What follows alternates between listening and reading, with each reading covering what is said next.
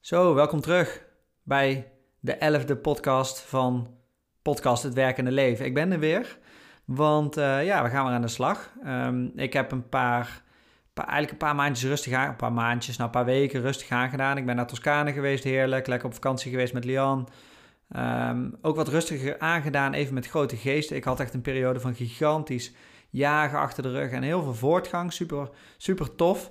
Maar ook had ik wel even de behoefte om even relaxed te doen en even helemaal niks eraan te doen. Mijn cursus loopt, ik heb masterclasses lopen, dus uh, dat kwam allemaal mooi op gang. Maar dat kostte natuurlijk wel veel tijd en energie. En uh, nou ja, ik was eraan toe om heel even gewoon te relaxen. En dat is heel goed gelukt. Het was ook echt een topvakantie in een paar verschillende huisjes in Toscane geweest.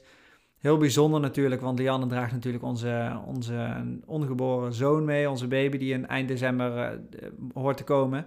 En ja, dat was toch wel bijzonder. Het was de laatste vakantie met z'n tweeën. En uh, nou ja, goed, een paar weken geleden ben ik weer aan het werk gegaan. Ook voor Canon, voor Grote Geesten, ook weer volle kracht vooruit. En toen was ik vandaag een video aan het opnemen. En um, die, uh, nou, die video is prima geworden. Die gaat op LinkedIn.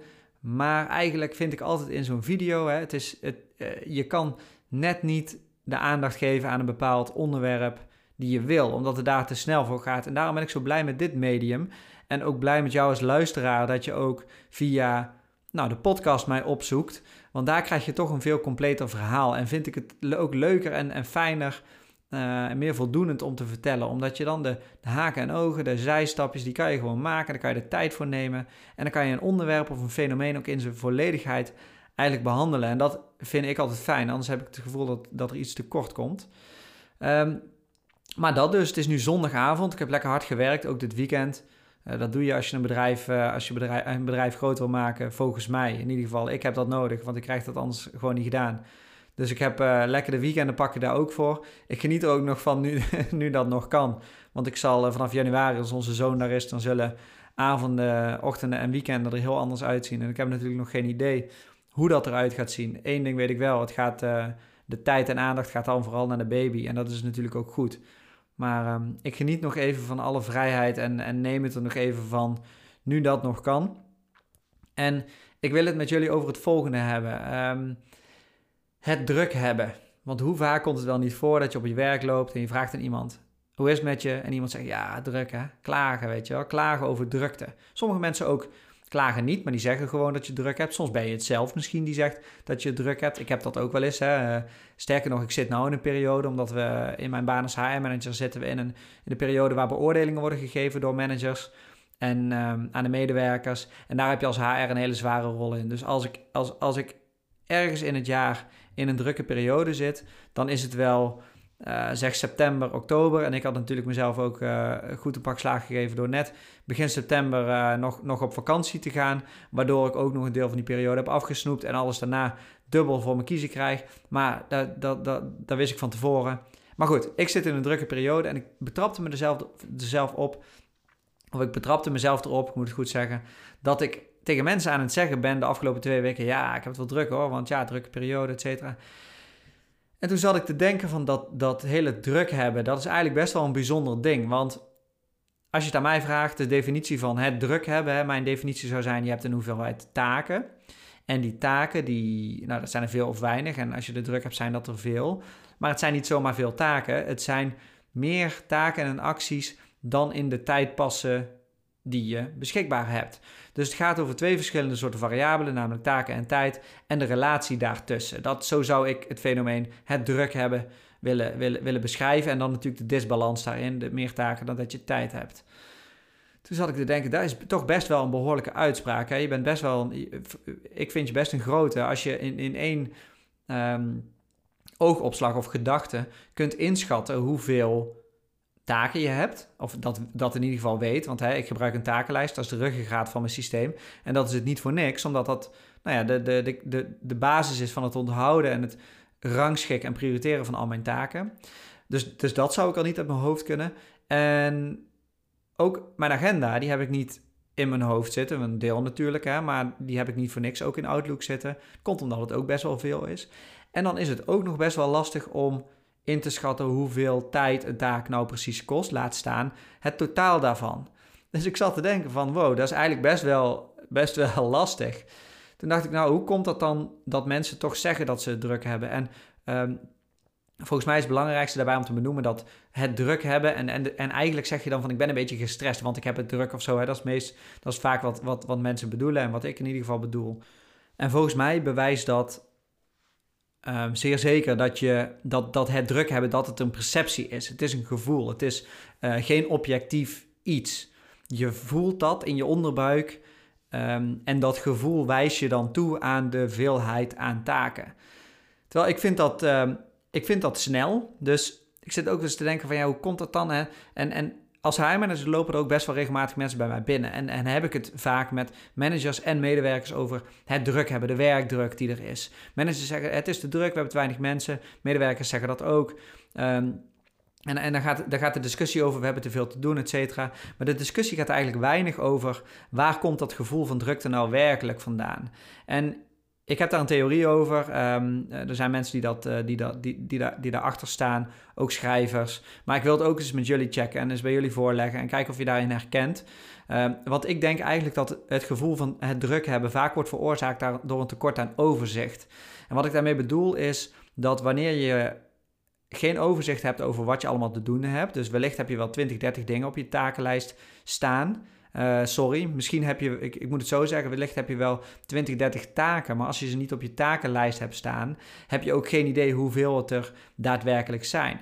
Maar misschien heb je maar 5, 6 of 7 taken en heb je dat niet op een lijst staan, maar voelt dat zoveel alsof het er 20 of 30 zijn.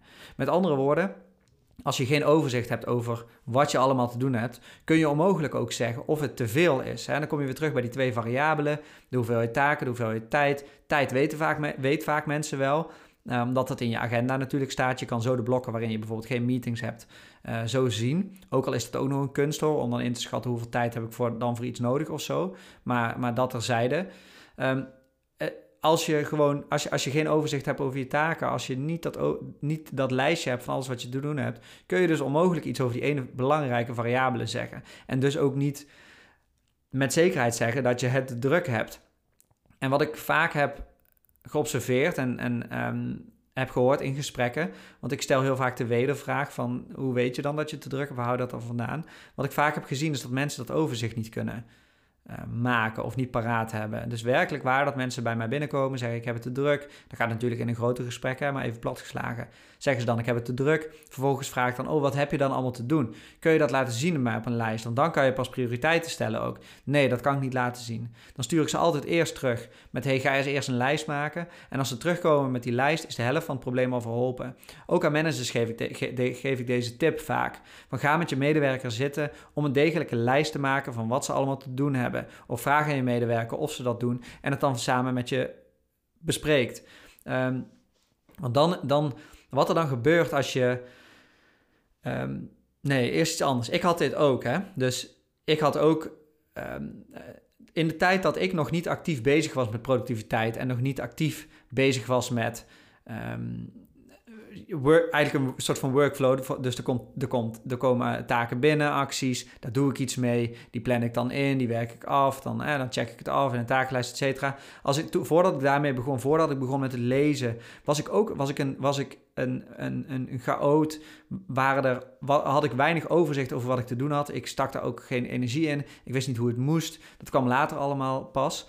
En ook toen kwam er heel vaak stress, gewoon uit een uh, uit een onwetendheid over wat de werkelijke werkdruk die ik had was. En de oplossing was dan altijd even alles op papier zetten, even het overzicht creëren. En dan was de helft van de stress al weg. Dan kwam er een soort van licht aan het einde van de tunnel. Zo noem ik het eigenlijk altijd. Die tunnel, daar moet je nog doorheen. Want het kan alsnog zijn, vaak is het wel ergens op gebaseerd. Hè? Dus um, het kan alsnog zijn dat je meer werk hebt dan normaal. En dat je bijvoorbeeld wat extra uren moet maken. Of wat extra efficiënt moet werken. Wat minder kletsen met collega's. Maar, maar even die gezellige praatje achterwege laten. En toch die extra minuten benutten. Dat soort zaken, dat kan nodig zijn. Donkere tunnel. Maar zolang je maar ziet waar het eindigt. Zolang je een beeld hebt van als ik vanavond even doorwerk, als ik dan en dan even die extra uurtjes maak, dan is het ook voorbij. Dan voelt dat al een stuk minder zwaar op je schouders. Omdat je gewoon een, een, eindpunt hebt en dat zie je. Dus je ziet het licht aan het einde van de tunnel. Zonder dat overzicht zit je alleen in een donkere tunnel, een soort hulpeloos, of een soort hulpeloosheid, een soort, soort machteloosheid.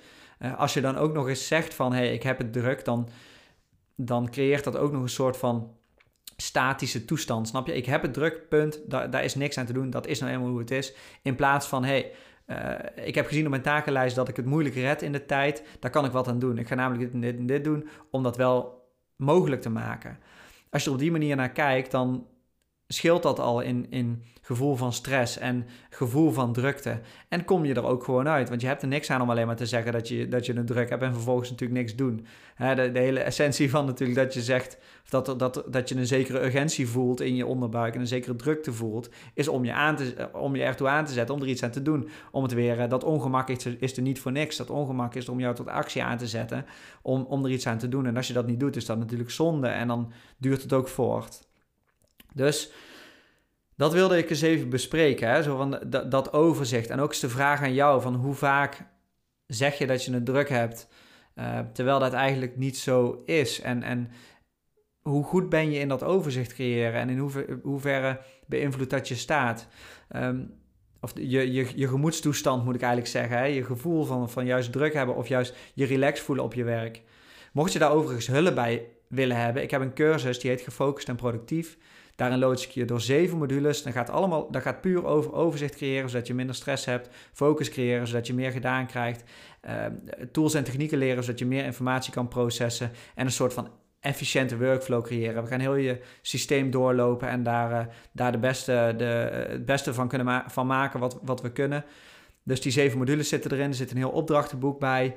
Um, waar je ook templates bij krijgt en zo. En we gaan twee uur echt één op één zitten. Dus ik ga je echt twee keer een uur één op één helpen om het beste systeem voor jou te creëren wat, wat, wat, wat er zijn kan, zodat je op elk moment in periodes dat je het je druk hebt of juist niet, het meeste gedaan krijgt op een zo kalme en relaxte manier.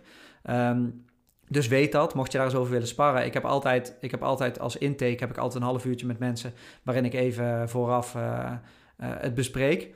Uh, en en, en daar kun je me natuurlijk ook alle vragen stellen en zo.